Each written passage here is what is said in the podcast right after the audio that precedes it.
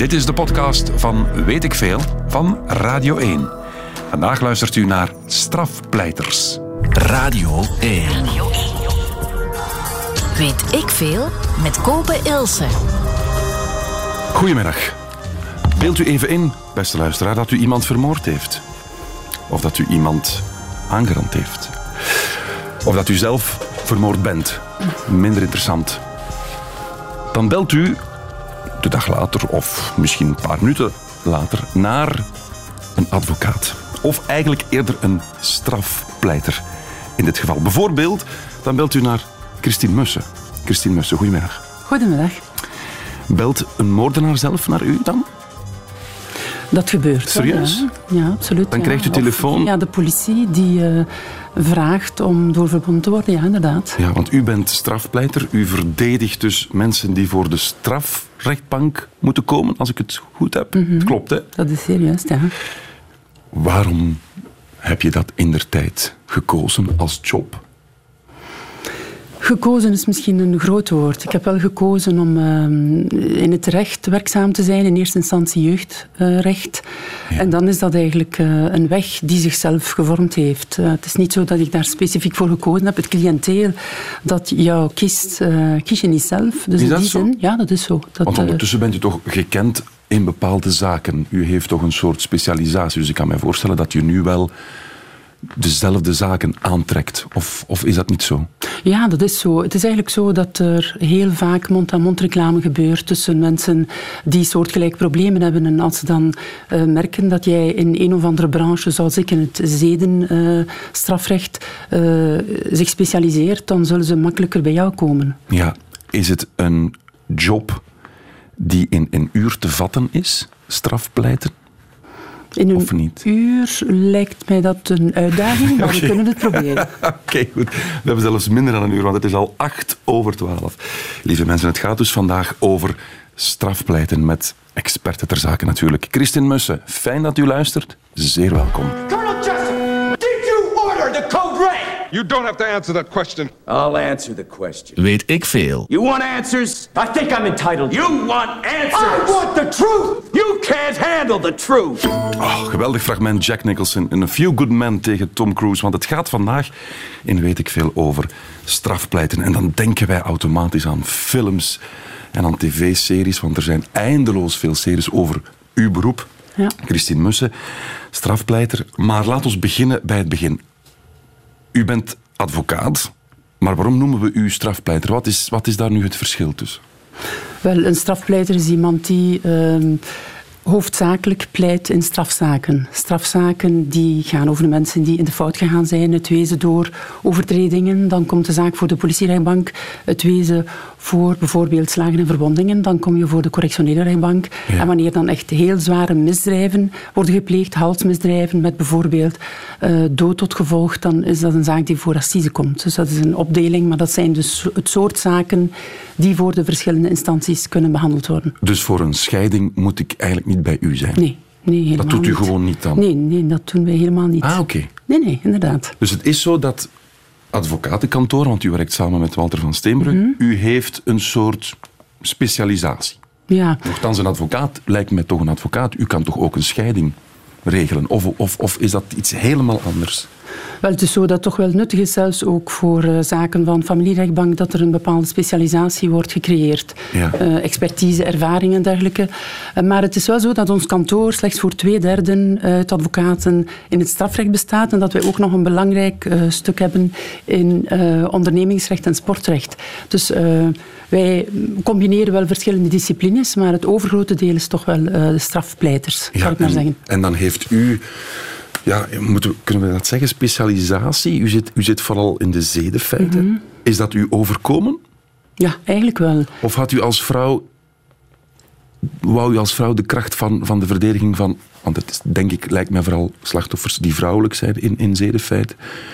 Was dat een, een, een motivatie? Mm, Geen bewuste keuze alvast. Het is zo dat eh, ik in het begin, toen ik eh, aan de balie was, eh, heb ik een aantal prodeo-zaken gehad redelijk grote prodeo-zaken die zich in het uh, zedenstrafrecht bevonden. En toen hebben uh, hulpverleners gemerkt dat ik daar interesse voor had. Wij hadden daar eigenlijk aan de universiteit zo goed als niets over geleerd. Eigenlijk met moeite wat is uh, aanranding, wat is verkrachting. Maar voor de rest, de specialisatie was helemaal niet aan bod gekomen in onze okay. opleiding. En dus heb ik dat eigenlijk geleerd door cliënten te hebben die dat soort specifieke opleiding wel nodig hadden. En zo hebben we elkaar eigenlijk gevonden. En dan is dat iets wat zichzelf gevormd heeft zonder een expliciete keuze te zijn. Uh, klopt het dat u vooral slachtoffers bijstaat? Ik, ik, lees hier dat 90% slachtoffers en amper 10% daders. Klopt dat? Ik denk dat het ongeveer zoveel is, inderdaad. En ook dat is geen specifieke keuze. Want uh, het is gewoon zo dat slachtoffers mij ondertussen gemakkelijker vinden, omdat ik uh, klaarblijkelijk op die manier meer uh, media-aandacht gekregen heb of wat dan ook. Maar ja. evenzeer en met evenveel overtuiging sta ik evident daders bij. Toch? Het is de beide, ja, ja, uiteraard. Het is geen keuze of niet dat ik er minder zou gemotiveerd in zijn. Hè. Nee, want je zou kunnen zeggen, het is natuurlijk populairder om de slachtoffers te verdedigen. Mm -hmm. dat, dat, dat is... Ik denk dat u dan ja. net iets, iets geliefder bent bij de mensen. Mm -hmm. Je hebt voorbeelden van collega's van u die, die, die vooral daders gaan verdedigen en dan ook wel zo'n imago hebben. Begrijpt u? Mm -hmm. Ja, ja, natuurlijk, absoluut. Maar het is zeker geen uh, keuze. En ik zeg het, ik doe het beide met evenveel overtuiging. Het is alleen zo dat uh, ja, slachtoffers mij klaarblijkelijk gemakkelijker ja. vinden, maar uh, ook daders doe ik met evenveel overtuiging. Wezen het dat er natuurlijk een gemeenschappelijk traject moet gevonden worden. Wat bedoel ik daarmee? Dat is nadat de feiten besproken zijn. Als de feiten betwist worden, dan zal ik kijken in welke mate ik daar gemotiveerd voor raak om effectief die betwisting voor de rechtbank te voeren. En dat betekent concreet dat ik trouw ben aan de eet die wij heel lang geleden in mijn geval hebben afgelegd. Namelijk dat wij geen zaken verdedigen die we zelf niet rechtvaardig achten. En dat ah, betekent ook dat we daaraan gebonden zijn. En dat we dus nagaan in welke mate er effectief geen bewijzen voorhanden zijn in het dossier waaruit het tegendeel zou blijken. Want in dat geval zal ik die keuze ja. niet maken. Laat ons het eens concreet maken. Dus stel, morgen krijgt u telefoon. Iemand heeft een vrouw aangerand. En dan, dan gaat u ermee praten. Hoe, hoe gaat dat dan? Dus u gaat naar de gevangenis en u, begint een, u, u voert een eerste gesprek. Ja, Waar let u dan op? Wat, wat, wat vraagt u dan aan zo iemand? Ik vraag uh, zijn verhaal te doen. En ik tracht ja. zo goed mogelijk uh, te luisteren op zorgvuldige wijze, zodanig. Ik noteer ook uh, meestal. En dan zal ik hem bij wijze van spreken aan een eerste verhoor vanuit de zijde van de advocaat dan trachten te onderwerpen en te kijken in welke mate dat datgene wat hij zegt ook met de waarheid kan overeenstemmen. Evident moet er dan iets heel belangrijk gebeuren, namelijk het dossier nakijken. Ja. Daar zullen meer dan waarschijnlijk elementen uh, voorhanden zijn die het tegendeel beweren als de man betwist van hetgene uh, wat uh, werkelijk gebeurd is. Heeft u dan een ongelooflijke bullshit-radar ondertussen ge gekregen? Voelt u wanneer iemand u iets aan het wijsmaken is? Maar ik mag niet zeggen dat ik dat voel, maar ik wil het wel voelen. En ik tracht het te vermijden in de meest mogelijke mate. Maar wij zijn er natuurlijk allemaal nooit bij geweest. Ja. Dus we moeten het doen met datgene wat uh, de potentiële dader ons vertelt enerzijds. En anderzijds wat in het dossier staat. En dat is meestal de versie van het slachtoffer. Dat wordt met elkaar getoetst. En Ja. dan komen we tot een bepaalde overtuiging. En wanneer bepaalt u dan of u die cliënt aanneemt? Na dat eerste gesprek onmiddellijk? Nee, ik ga eerst het dossier bestuderen en kijken in welke mate dat datgene wat hij uh, stelt, meestal hij, soms ook zij, Ja. uh, stelt. En dan uh, zal ik bepalen bij een volgend gesprek of ik voor hem mijn diensten kan inzetten op de best mogelijke wijze. Want daar heeft die persoon sowieso recht op. Ik ga het niet doen als ik er niet achter sta. Want ik zeg het vaak, als ik niet overtuigd geraak van datgene wat de persoon mij vertelt, zal ik ook een rechter niet kunnen overtuigen. Dat is nu eenmaal zo bij mij. Dat geldt wel niet voor al uw collega's, hè? Goh, ik zou dat niet durven zeggen. Uh, ik denk dat zij daar zelf moeten over spreken. Maar uh, het, het, is natuurlijk een, uh, ja, een, een is- houding die al altijd de mijne is geweest. En ik hou daar ook aan vast, omdat dat de enige manier is waarop ik mij nuttig kan maken. Mag ik u iets laten horen? Jazeker. Na een dergelijk hallucinant grondig onderzoek zijn er niet de minste harde bewijzen gevonden. Ik zou bijna zeggen, dit bewijst de stelling van mijn cliënt. Hein Diependalen, advocaat. Zijn cliënt Andras Pandi. Dienstelling, ik ben onschuldig. Weet ik veel. Andras Pandi, van Hongaarse afkomst en gepensioneerd leraar protestantse godsdienst, wordt opgepakt op 16 oktober 97. Op dat ogenblik is hij 70. Het gerecht zoekt hem al enkele maanden. In de nasleep van de zaak Dutroux heeft het parket namelijk een hele reeks verdwijningsdossiers van onder het stof gehaald. En verdwijningen, die zijn er genoeg in de familie Pandi. In de tweede helft van de jaren 80 raakten zijn twee echtgenotes, twee zonen en twee van zijn stiefdochters zoek. Volgens Pandi zijn ze verhuisd, vertrokken naar het buitenland of opgenomen in een secte. Een reeks brieven, postkaarten en getuigen moeten dat bevestigen. De brieven en postkaarten blijken achteraf vervalst, de getuigen door Pandi ingehuurde acteurs. Dan hoor ik die advocaat zeggen in de media: er, zijn geen enkel, er is geen enkele aanwijzing tot schuld. Wat blijkt achteraf? Ja, dat Andras Pandi zo schuldig is als wat. Liegt die advocaat dan als hij de pers te woord staat? Of is hij op dat moment echt overtuigd van het feit dat zijn cliënt onschuldig is? Het is Wat belangrijk is, is het moment waarop die advocaat dat eh, gezegd zou hebben. Als hij natuurlijk nog niet gehinderd is door enige kennis van het dossier, dan kan het zijn dat hij dat met volle overtuiging zegt. Ja. Het lijkt mij nooit een goed idee om dergelijke uitspraken te doen op het ogenblik dat u zelf overtuigd bent eh, dat de zaken wel degelijk gebeurd zijn en gepleegd zijn door eh, de cliënt die je bijstaat. Eh, maar dat is eigenlijk moeilijk voor mij om dat achteraf uit te maken. Maar ik behoed mij nogal om dergelijke uitspraken te doen, omdat ik altijd zeg, ik was er niet bij en we moeten het doen met de gegevens van het dossier. Maar als de gegevens uit het dossier dermate overtuigend zijn, dan heeft het natuurlijk geen enkele zin om die zaak te gaan ontkennen, want we trachten toch het best mogelijke resultaat voor onze cliënt te Ja, ja, ja. bekomen. En dat zal je niet bekomen als je het licht van de zon ontkent. Heeft u zich al heel hard vergist? Dat u iemand geloofde en dat achteraf bleek dat hij ook u iets had, iets had wijsgemaakt? Ik ga ervan uit dat ik me al heel hard vergist heb, maar de waarheid komt niet altijd eh, uit. Dus in die zin weet ik het niet. Of er is nog niemand mij komen zeggen van kijk, jij hebt mij bijgestaan, jij hebt kunnen voor zorgen dat ik vrijgesproken ben, maar ik had de feiten wel gepleegd. Dat zou bijvoorbeeld een voorbeeld zijn van hard vergissen, Ja, waarvan ik zelf nog zeker niet ben. meegemaakt. Dat heb ik nog niet meegemaakt. Waarom? Omdat mensen mij het ook niet zullen komen vertellen natuurlijk. Dus ik weet het niet, maar ik, u- ik sluit het zeker niet uit. U heeft misschien wel al mensen vrijgekregen die eigenlijk niet verdienden om vrijgesproken te worden. Dat, dat zal wel al gebeurd zijn. Maar ik sluit het niet uit, maar ik zou er niet vrolijk van worden, dat kan ik u wel zeggen. Ja, ja, absoluut. Ehm, wanneer stapt de mens Christine Mussen binnen bij iemand en wanneer is het de advocaat? Is daar, is daar een, een scheidingslijn of vloeit dat toch in elkaar over? Maar het is natuurlijk zo dat we ehm, als advocaat de correcte juri- juridische vertaling moeten trachten te bekomen van de feiten die gebeurd zijn. Dus dat speelt altijd mee, maar ik hoop dat het niet echt heel verschillend is. Ik denk dat mijn eh, vak door mezelf eh, zoveel mogelijk wordt verbonden met de menselijke eigenschappen die sowieso groot deel uitmaken van het werk dat Ja. we doen. Je sais qu'on ne sait jamais. Dat is een eh, quote uit een nummer dat we gaan draaien. En ja, u had dat... We hebben niet, we- niet aangevraagd, dat klinkt zo flauw, maar u had dat gesuggereerd. Hè? Waarom? Ehm, wel, gewoon omdat eh, wat die man zegt lijkt mij ongelooflijk juist te zijn. Eh, ik moet zeggen, ik heb soms wel moeite met het feit dat we al te makkelijk denken dat we weten hoe iets zit of hoe iets gebeurd is. En daarvoor kijk ik ook naar de media. De manier waarop sommige zaken worden eh, in de media gebracht, eigenlijk zonder voldoende kennis van zaken, dat kan mij...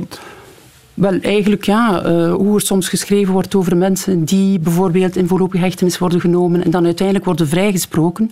Ja, het feit van in voorlopige hechtenis genomen worden wordt dan breed uit geportretteerd, zeker als het bekende mensen zijn. Maar als die mensen achteraf worden vrijgesproken, dan lezen we daar heel, heel weinig van. Ja. En dus lijkt het mij altijd zaak om eerst grondig te kijken wat er echt van aan is. En dus een grote voorzichtigheid in te bouwen bij het eh, rapporteren van zaken of ook in, in eigen leven te weten van we weten niet echt hoe het zit, dus laat ons voorzichtig zijn met oordelen, laat staan vooroordelen. Ik weet dat ik het eigenlijk nooit weet. Voilà, dat is het inderdaad, lijkt mij ook. Weet ik veel? Waarom? Omdat inderdaad ook een schuldige een verdediging nodig heeft. Omdat men proportioneel bijvoorbeeld bestraft moet worden. Dat alle omstandigheden meegewogen worden. Dus het is niet zo dat je het feit staat te verdedigen van eh, ga zo door. Het is dat we hier nog niet doodstraf hebben, maar De zerken staan in rijen van drie in de Verenigde Staten of in landen waar men ten onrechte op verkeerd forensisch bewijs of vooral heel veel getuigenbewijs dat niet klopt. U hoorde de Nederlandse topadvocaat Ines Wesky.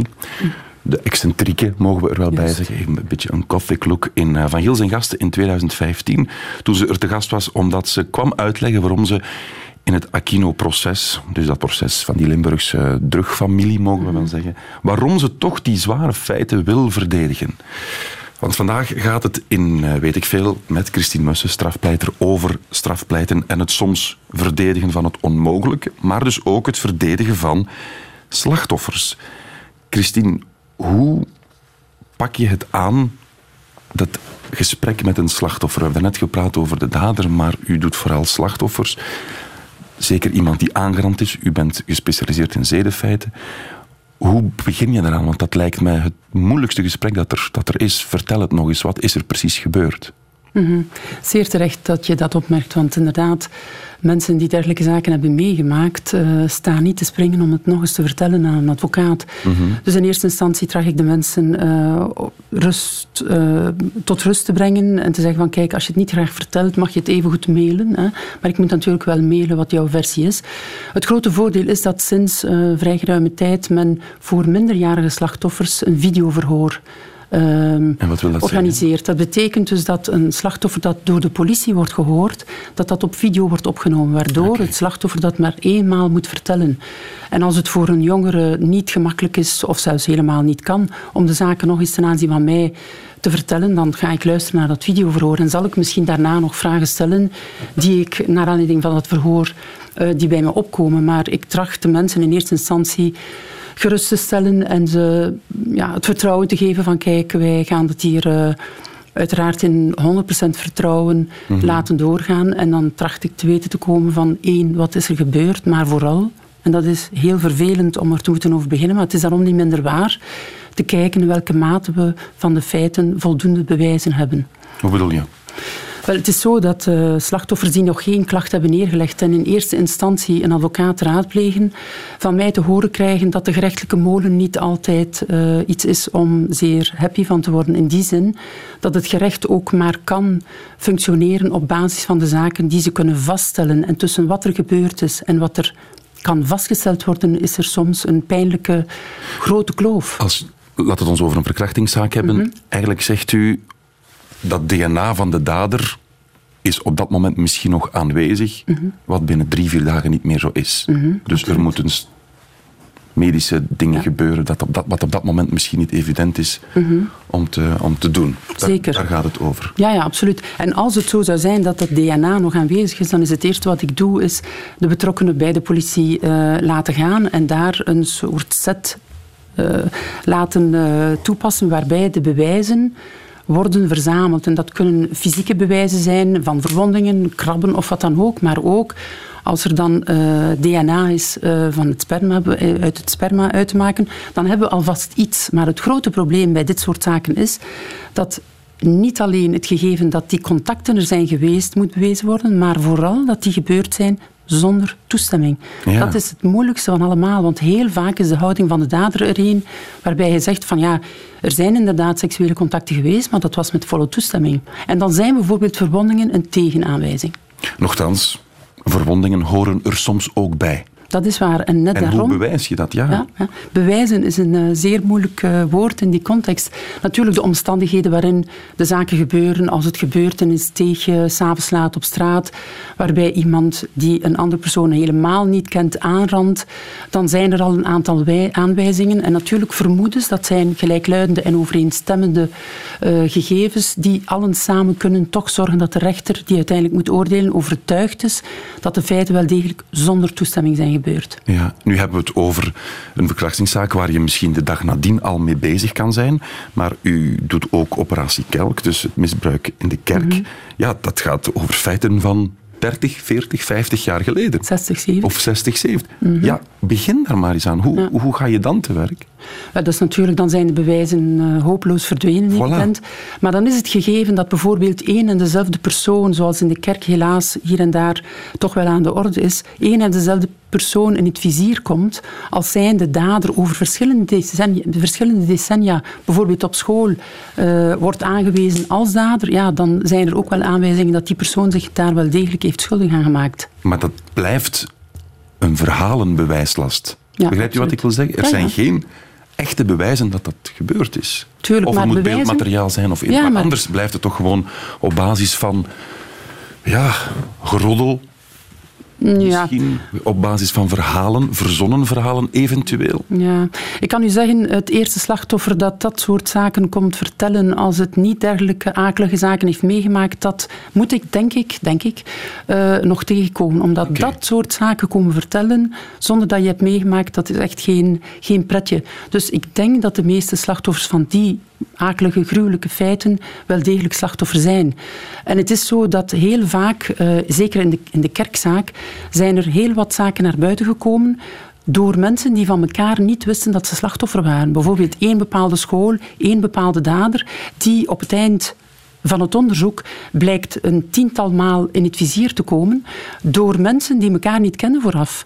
Dus uh, er is geen geroddel of wat dan ook. Het is gewoon, het zijn mensen die zeggen van ja, door de ganse ontploffing van die zaak uh, hebben ze de moed gevonden, hebben ze een stem gekregen om naar buiten te komen. Want vroeger was het altijd van ja, als ik alleen dat zeg, zal ik zeker nooit geloofd worden. Maar nu dat uh, die zaak dergelijke impact heeft gekregen, voelen mensen zich gedragen, ook door de maatschappij en de reactie die die maatschappij ook gegeven heeft, om toch met hun zaken naar buiten te komen. Hoe komen die reacties of die getuigenissen dan tot bij u? Krijgt u dan anonieme mails en anonieme telefoons? Ja, of gaat alles via de politie? Nee, sommige slachtoffers komen rechtstreeks naar ja, u. Ja, zeker. Ik zou zelfs zeggen misschien het overgrote deel. Omdat de weg naar justitie is ook niet zo gemakkelijk te bewandelen. En het is zelfs iets wat ik mensen zou aanraden, omdat de vorm waarin de klacht gebeurt is ook wel zeer belangrijk. Dat moet natuurlijk technisch in orde zijn, maar moet ook inhoudelijk toch wel van een bepaalde sterkte getuigen. En zoals ik al zei, als dat niet mogelijk is, uh, zeker voor zaken die nu nog moeten bewezen worden dat ze mm, zonder toestemming zijn gebeurd, is het belangrijk dat de klacht ook al zeer specifiek vermeldt wat de omstandigheden waren, wat de sporen zouden kunnen zijn en welke onderzoeksdaden ook zouden kunnen nuttig zijn om de waarheid aan het licht te brengen. Dat is nieuw voor mij. Ik zou verwachten als slachtoffer ga je toch eerst naar de politie. Lijkt me logisch. Nee, wel, dus. Wel, soms wel en soms ook niet. Maar uh, van dat soort zaken zou ik zeggen, uh, lijkt het mij beter om vooraf juridisch goed ingelicht te zijn, zodanig dat de zaak die wordt aangedragen zo goed mogelijk ook technisch en feitelijk in orde is. Heeft de MeToo-affaire iets veranderd in de zedenadvocatuur? Is het allemaal veel meer bespreekbaar geworden? Is het veel meer naar de oppervlakte gekomen of net niet? Want er is wel wat geweest. Hè? Ja, zeer zeker. Het is zeer zeker wat geweest. Ik denk dat op dat vlak echt reactie nog moet komen. We zijn daar zachtjes aan mee bezig, maar eigenlijk heel veel tastbare veranderingen kan ik nog niet uh, getuigen, Krijgt ik maar u niet veel meer um, cliënten binnen die, die over misbruik praten? Is die deur niet niet opengebeukt door, ja. door dat voorval in Amerika? Dat is zeer zeker zo, maar de zaken die echt al hun uh, beloop hebben gekregen uh, in de rechtbank, dat zijn er nog heel weinig.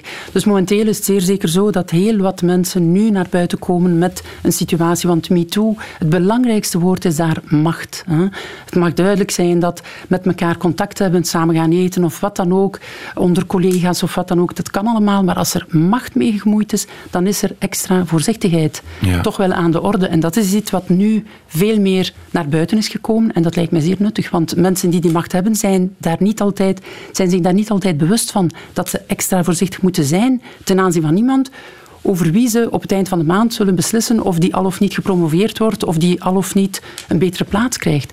Dus die, die dynamiek is te weinig gekend, denk ik, mm -hmm. door alle partijen. En het is goed dat dat uh, naar buiten is gekomen. De 23-jarige studente die sinds zaterdagavond vermist werd, is niet meer in leven. Haar lichaam is rond vijf uur gevonden in het Albertkanaal in Merksem bij Antwerpen. Vanmiddag werd een verdachte opgepakt. Een 39-jarige man uit Antwerpen die eerder al veroordeeld werd voor zedenfeiten. Ja, dat was het nieuwsbericht rond uh, Julie van Espen die vermoord werd door ja, Officieel is dat allemaal nog door Steve Pakelmans. Um, Christine Mussen, Zou u iemand als Steve Bakelmans, zonder concreet die zaak nu te nemen, maar toch zou u iemand die eigenlijk zelf ook zegt: ja, ik heb het gedaan, zou u die verdedigen? Wel, verdedigen is een uh, moeilijk woord in die context. Verdedigen betekent eigenlijk bijstaan, niet de feiten ontkennen. Dat heeft die man klaarblijkelijk ook niet gedaan. Uh, maar duiden hoe het komt dat iemand tot dergelijke gruweldaden is gekomen. En dan is de situatie van de heer Bakelmens blijkbaar ook wel relevant. In die zin dat het niet de eerste maal is dat hij zedenmisdrijven pleegde. En dus dat onderzoek, hè, want u moet weten in het strafrecht wat wordt er onderzocht. De daad, de feiten enerzijds en anderzijds de persoon die die feiten heeft gepleegd, de dader. Mm -hmm. Kijken naar zijn persoonlijkheid en kijken welke elementen hebben daar gespeeld waardoor die man dergelijke zaken heeft gepleegd. Maar u heeft nog niet geantwoord op mijn vraag. Hè. Zou u iemand, zo iemand willen verdedigen? Ja, natuurlijk. Toch? Ja, verdedigen, bijstaan. bijstaan ja, ja, Natuurlijk, ja, absoluut. Zonder en zou u dan als, uh, als grootste doel hebben zo, een zo laag mogelijke straf? Is dat dan wat u als advocaat wil bereiken? Een zo licht mogelijke straf? Ja, dat is natuurlijk altijd het doel van de strafpleiter. Als hij een dader bijstaat, is de straf zo correct mogelijk te laten zijn. Zo laag mogelijk is misschien in deze iets... Klinkt een beetje pijnlijk, ja. want het zijn gruwelijke feiten. Maar terzelfde tijd is de juiste maatschappelijk verantwoorde juridische vertaling van die feiten. Rekening houdend met wat zijn zijn voorgaanden, wat voor persoon is dat en hoe komt het dat hij dergelijke zaken heeft gedaan. En uiteindelijk, als het zou kunnen dat die persoon bijvoorbeeld leidt aan een uh, stoornis, een persoonlijkheidsstoornis, dan kan het zijn dat daar internering op zijn plaats is. Dat uh, die man aan een bepaalde ziekte leidt, waardoor internering een beter en juister antwoord is. Internering, voor alle duidelijkheid, geen pretje, geen uh, club met, zoals het vaak onterecht wordt uh, voorgesteld. Internering is een uh, psychiatrische begeleiding van mensen die psychische stoornis hebben, die aan de basis ligt van de vreselijke feiten die gepleegd zijn. Ja. Dus in dat geval, dat is een juist antwoord. Zo laag mogelijke straf, zo juist mogelijke straf zou ik zeggen. Ja. Hoe, hoe zit u dan tegenover zo iemand als die dan die feiten aan het vertellen is, dat die dat meisje heeft proberen aanranden heeft vermoord. Hoe zit u daar dan tegenover? Luistert u daar stoïcijns naar? Dat kan toch niet? U moet toch ook kwaad worden van binnen? Of, of ziet u dat heel anders? Maar ik denk, um, als ik het mij een beetje concreet uh, inbeeld, dan denk ik dat ik uh, in eerste instantie zeer zwaar getroffen zal zijn door het leed wat het meisje is aangedaan. Ja. En daar zal ik ook uiting aan geven, zonder de minste twijfel. Uh, kwaad, inderdaad, ja, op een manier natuurlijk voor het vreselijke uh, wat gebeurd is, maar anderzijds op professionele wijze luisteren naar wat voor een mens zit hier voor mij, want uh, dat is ook een gegeven dat moet bekeken worden. En dan kijken wat zijn de aanleidingen en zo verder. En hoe is het mogelijk dat zo iemand zoiets doet? En soms hebben we te maken met bijvoorbeeld een psychopaat. En dat is iemand die echt wel een zware stoornis heeft, waardoor hij gevangen, uh, gevaarlijk is gebleken en meer dan waarschijnlijk gevaarlijk zal blijven. En dat, zijn, mm-hmm. dat is de groep van mensen van wie eigenlijk iedereen het eens is dat die personen uh, beter achter de tralies verblijven, want die kunnen gevaarlijk uit de hoek komen op gelijk welk moment. Dus, maar in andere gevallen moeten we kijken van, kan er iets gedaan worden om die man naast bestraffing ook een soort van behandeling te geven? Maar is het niet net daarom dat strafpleiters en advocaten soms door de publieke opinie worden gezien als, ja, die man heeft iemand vermoord, die moet gewoon vast en alles wat daar rondhangt is eigenlijk van geen belang. Al die, mm. laat het mij even mooi praterij om de moordenaar toch maar een beetje menselijk te krijgen, heeft eigenlijk geen belang, want die heeft iemand vermoord en dat mag niet, punt. Mm. Dat is natuurlijk, ik begrijp het buikgevoel van de mensen, voilà. absoluut, hè, uiteraard. Ja. Maar uh, natuurlijk, ik mag hopen dat men uh, bij justitie op iets meer voortgaat dan het buikgevoel van mensen. Ja. Het is uh, evenzeer een wetenschap waarbij rechtsregels en gelukkig maar bestaan, enerzijds, en waarbij anderzijds we toch al zo ver geëvolueerd zijn in de samenleving dat we beseffen dat het al te gemakkelijk is om mensen die de gruwelijkste daad hebben gepleegd, om die gewoon opzij te zetten voor de rest van de dagen. Om hem in de kerker te steken en de vergeetput in te jagen Nochtans, en zo verder enzovoort. In 96, augustus 96 had je op dat moment een enquête gedaan bij de Belgen. Wat moet er met Marc Dutroux gebeuren? Mm-hmm. Ik denk dat er heel veel de doodstraf gewoon terug zouden ingevoerd hebben. Hè? Mm-hmm. Dat is best mogelijk. Ja. Ik moet u wellicht niet zeggen dat ik daar geen voorstander van ben, omdat het eenvoudigweg uh, op alle fronten uh, vreemd met het gevoel dat ik heb en ook met uh, de rechtsregels zoals ze gelukkig in België bestaan. maar ook daar begrijp ik natuurlijk dat buikgevoel. Ik heb het ook gehad, niet die, die doodstraf, maar ja. ja. ik ben er toch ook een paar dagen niet goed van geweest toen de ganse zaak van Dutroux naar buiten kwam. Evident. Maar is het nog rechtspraak als je iemand die zoals een, een Bakelmans zelf zegt, ik heb die vermoord, is het dan nog rechtspraak, recht, justitie? Als je toch als advocaat gaat zeggen, ja, maar hij heeft een moeilijke jeugd gehad en hij was drugverslaafd. Mm Is het dan nog echt een, ja, begrijpt u mijn vraag? Recht om, om, om zo iemand toch een beetje softer te gaan voorstellen dan hij eigenlijk is. Hij heeft iemand vermoord. Het is niet softer. Is niet softer. In eerste instantie niet naar de feiten. Wel, de feiten om te beginnen, daar gaan we helemaal niets aan uh, softer maken.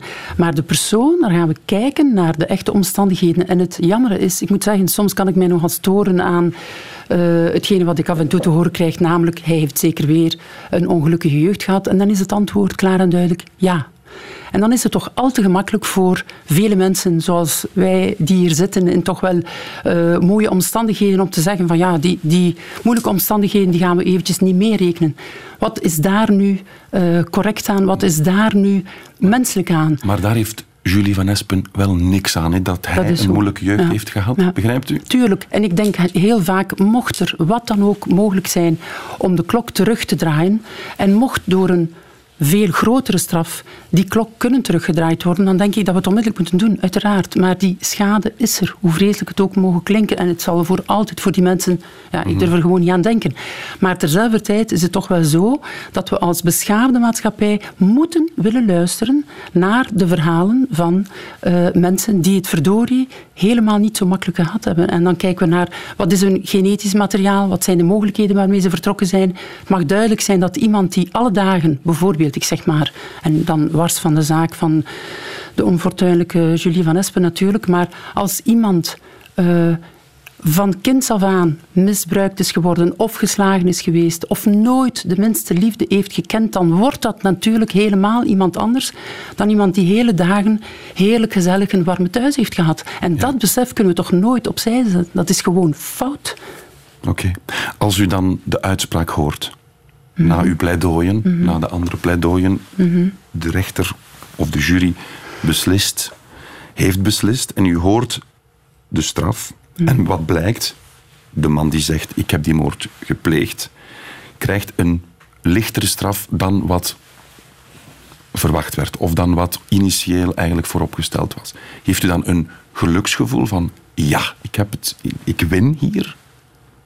Maar winnen, als er dergelijke zware feiten gebeuren, daar is geen winnen aan. Heb je dan een succesgevoel? Heb je dan een maar je kan dan wel het gevoel krijgen van goed, ik heb mijn job zo goed mogelijk gedaan en het heeft eh, blijkbaar ook enig effect gehad. Ook al mag je dat niet alleen aan je eigen werk toeschrijven natuurlijk, want dat mhm. is een gebeuren met verschillende uh, actoren. Uh, maar het is een feit dat natuurlijk als iemand uh, minder gestraft wordt dan bijvoorbeeld datgene wat de procureur heeft gevorderd, dan heb je toch wel het gevoel van oké, okay, ik heb mijn job wellicht niet slecht gedaan en we moeten dat met alle voorzichtigheid zeggen, want ik zeg het, ons aandeel is ook niet ja. zo absoluut duidelijk. Hè? Maar in, bij collega's van u, waar mm -hmm. toch als, ik kijk ook televisie waar toch een beetje macho-cultuur heerst bij sommige van uw collega's kan ik mij voorstellen dat er wel een paar yes-gevoelen leven als ze iemand kunnen vrijkrijgen, waarvan ze misschien toch wel weten dat er wel wat schuld rondhangt. Want het, wordt, het is toch ook een ego-kwestie. Ja, het is natuurlijk waar dat wij allemaal uh, een bepaald ego hebben. Jullie en dat winnen dat... toch graag, hè? Ja, het is natuurlijk te zien waarom je graag wint. Hè. Is het uh, omdat dat dan een bepaalde status geeft of wat dan ook? Of is het omdat je denkt van dit is het juiste antwoord dat uh, door de rechter is gegeven? En dat is mm -hmm. natuurlijk veel interessanter, lijkt mij. Ja. Maar um, het yes-gevoel, dat kan ik mij wel voorstellen in het geval dat bijvoorbeeld de procureur heeft gesteld in een assisezaak dat die feiten gebeurd zijn door die wel bepaalde persoon en dat uw cliënt u kan overtuigen dat die feiten niet door hem gebeurd zijn en dat het blijft gedurende bijvoorbeeld de hele assisezaak bevestigd worden door alle getuigen dat zaken die oorspronkelijk werden aanzien als zijnde echt gepleegd door je cliënt, mm -hmm. dat die uiteindelijk op losse schroeven komen te staan. Als die persoon dan uiteindelijk wordt vrijgesproken, dan heb je wel een echt yes-gevoel. Omdat je het gevoel hebt van ik heb iemand echt geholpen en uh, recht heeft mogen zegevieren. Ja. Zou je ontoerekeningsvatbaarheid pleiten als je diep van binnen als mens overtuigd bent dat hij eigenlijk niet ontoerekeningsvatbaar is? Weet u, uh, daar is een beetje het probleem dat uh, in ons Belgisch recht bestaat ontoerekeningsvatbaarheid volledig of volledig niet. Ja, want dat wordt, dat wordt wel eens gebruikt. Gebruiken ja, is misschien een, een, verkeerd woord, maar toch, het wordt gebruikt in, in zaken om toch een dader qua straf, dat lijkt mij wel een, een reden ontoerekeningsvatbaarheid om ofwel overgaan tot internering, ofwel om de straf gigantisch te verlagen. Mm -hmm. Dus dat lijkt, in de publieke opinie, lijkt dat soms een trucje te zijn. Mm -hmm. Ja, dat is natuurlijk allerminst een trucje, want ontoerekeningsvatbaarheid is iets wat vastgesteld wordt door experten, gerechtsexperten, okay. uh, waardoor dat niet zomaar wordt aangekaart. Dat zou nogal onverstandig zijn als advocaat om dergelijke zaken te komen vertellen zonder dat dat wordt ja. bevestigd door experten. Hè. Okay, okay. Uh, maar het is zo dat bijvoorbeeld in Nederland bestaat er zoiets als verminderde ontoerekeningsvatbaarheid. En dat is een veel interessanter begrip, omdat iemand volledig ontoerekeningsvatbaar verklaren is heel vaak een uitdaging, maar iemand volledig toerekeningsvatbaar verklaren evenzeer. En net in die ganse range van verminderde toerekeningsvatbaarheid kan men eigenlijk echt maatwerk leveren naar de feiten toe en naar de dader toe. En dat is pas interessant, maar op dat vlak moeten we nog op uh, nieuwe rechtsregels hopen. Maar en u die pleit daar wel voor? Daar pleiten we absoluut voor, ja, ja absoluut. Dus niet meer dat zwart-wit ja of nee, Natuurlijk. maar eerder die, ja, die grijze zone? Absoluut, ja. Kim de Gelder wordt dan toch geïnterneerd. De man die tien jaar geleden twee baby's en een kinderverzorgster vermoordde in een crash in Dendermonde en ook nog een vrouw in Vrasenen, kreeg eerst levenslang. Het Hof van Assise vond namelijk niet dat hij geestesziek was. Een college van experts heeft de Gelder nu opnieuw onderzocht. Hij is schizofreen, blijkt zo, en moet behandeld worden. Een nieuwsbericht. Kim de Gelder wordt geïnterneerd en dan lees je op fora van bekende online kranten de lelijkste dingen. U heeft het daarnet al even aangehaald, Christine Mussen, strafpleiter, dat internering ook geen grapje is. Mm -hmm, Misschien absoluut. toch nog even daarop doorgaan. Want in onze, in de publieke, het publieke buikgevoel is dan zo van, oh, nu heeft hij een tuin en kan hij buiten spelen. Want een internering lijkt een soort club met, wat je, wat je daarnet zelf zegt. Mm. Dat is natuurlijk volledig uh, fout. Hè? Uh, om te beginnen is betekent dat een verblijf in een psychiatrische instelling waar behandeling wordt toegepast op de persoon in kwestie. En uh, ik kan u zeggen dat de sfeer daar uh, is net zoals in de gevangenis allerminst om happy van te worden. Maar hij zit wel daar, opgesloten, toch? Hij zit absoluut opgesloten, helemaal. Ja. En uh, daar wordt om de zoveel tijd over geoordeeld in welke mate dat nog nodig is. En als die man uh, blijkt verder ziek te zijn en misschien zelfs verder gevaarlijk te zijn, dan zal hij niet vrijgelaten worden, evident. Mm -hmm. Het is ook zo dat bij internering de mogelijkheid bestaat dat die man nooit buiten komt. Als hij zou gevaarlijk blijven, wat maar goed is ook, want de maatschappij heeft de plicht om zich te beschermen tegen mensen die ja. kunnen gevaarlijk zijn. Dus. Maar als je dan de feiten hoort, hè, baby's vermoord met een mes, dan denk je, ja, waarom zouden wij als maatschappij daar nog moeite voor doen? Wel, zoals dat nu... wordt dan gezegd op straat. Mm -hmm, wordt gezegd op straat. Uh, nu, ik moet zeggen, uh, de zaak van Kim de Gelder heb ik van dichtbij gevolgd, want ik ben naar de debatten gegaan, ook specifiek over de geestesgesteldheid. En nu heeft men vastgesteld dat die geestestoestand wel degelijk van aard was om uit te leggen hoe het kan dat een jongeman dergelijke vreselijke feiten En uh, men heeft altijd gesteld dat hij uh, psychotisch was op het ogenblik van de feiten. Nu, psychose, dat betekent dat men niet meer in de realiteit staat en dat men helemaal niet oordeelt wat men aan het doen is of gaat doen. En de gegevens dat dat soort zaken bestaat, dat is veel te weinig gekend door de man op de straat. Men kan zich dat niet inbeelden, ik heb daar alle begrip voor. Maar men zou moeten begrijpen dat mensen die goed geïnformeerd worden door experten, gerechtsexperten, dat die de juiste beslissing kunnen nemen, zoals nu uiteindelijk zoveel jaren later gebeurt. -hmm. Hoe is uw visie op de Belgische justitie? Want als krantenlezer en tv-kijker wordt daar een beeld van opgehangen naar mij toe. Van een, een gammele organisatie waar het veel te lang duurt voor iemand voor de rechtbank komt. Waar de straffen niet worden uitgevoerd. Waar er geen geld is. En een renovatie van een justitiepaleis dat blijkbaar nog honderd jaar gaat duren. U komt daar elke dag. Hoe is, wat is uw visie op die Belgische justitie? Ik moet zeggen dat ik ook uh, merk dat uh, de onderbezetting uh, van het rechterkorps dat dat zeer zware gevolgen heeft en dat dat een belangrijke oorzaak is van bijvoorbeeld achterstand die zich hier en daar opstapelt, wat natuurlijk niet kan. Mm -hmm. Want elkeen die een uitspraak verwacht heeft recht op een snelle uitspraak, een snelle behandeling van de zaak. Zowel slachtoffer als dader. Natuurlijk, natuurlijk. Ja. Het is nooit of-of. beide um, actoren zijn even belangrijk in dat gebeuren. Maar het is wel jammer dat we als maatschappij niet begrijpen dat als we justitie willen van een topniveau, dat we ook justitie moeten derwijze behandelen. En dat gebeurt op vandaag allerminst. Dat en is waar. sponsoren. Dus het gaat natuurlijk, ook over geld. natuurlijk, ja. Het zegt veel uh, dat we daar niet meer uh, gelden voor uh, vrijmaken. Hè. Maar mm -hmm. goed, ja, ik begrijp ook dat het een moeilijke kwestie is voor de minister van Justitie, maar het is wel echt een absoluut probleem. Om af te ronden, we hebben nog een minuutje. Normaal doen we een quiz, gaan we nu niet doen natuurlijk, want dit thema leent zich daar niet, niet, niet, niet echt toe. U komt elke dag in aanraking met de gruwelijkste dingen. Mm -hmm. Bent u nog een positief persoon? Staat u nog vrolijk in het leven? Ja hoor, zeker. Toch? Ja, absoluut. Ja. Ik moet zeggen dat ik alleen in de 35 jaar uh, die ik uh, heb mogen uh, dit vak uitoefenen, dat ik meer dan ooit de bevestiging heb gekregen dat als we goed en positief omgaan met mensen, ook met mensen die in de problemen zijn en zelfs die zware feiten gepleegd hebben, kunnen we veel mensen recupereren. Dus mijn mensbeeld is allerminst zwart. Oké, okay. dat is fijn om te horen. Ja. Mag ik u ongelooflijk danken voor dit zeer interessant en boeiend en intrigerend uur, Christine Mussen. Radio 1. Weet ik veel? Dit is het einde van deze podcast van Weet ik veel. Weet ik veel is trouwens een programma van Radio 1. Op radio1.be vindt u nog veel meer.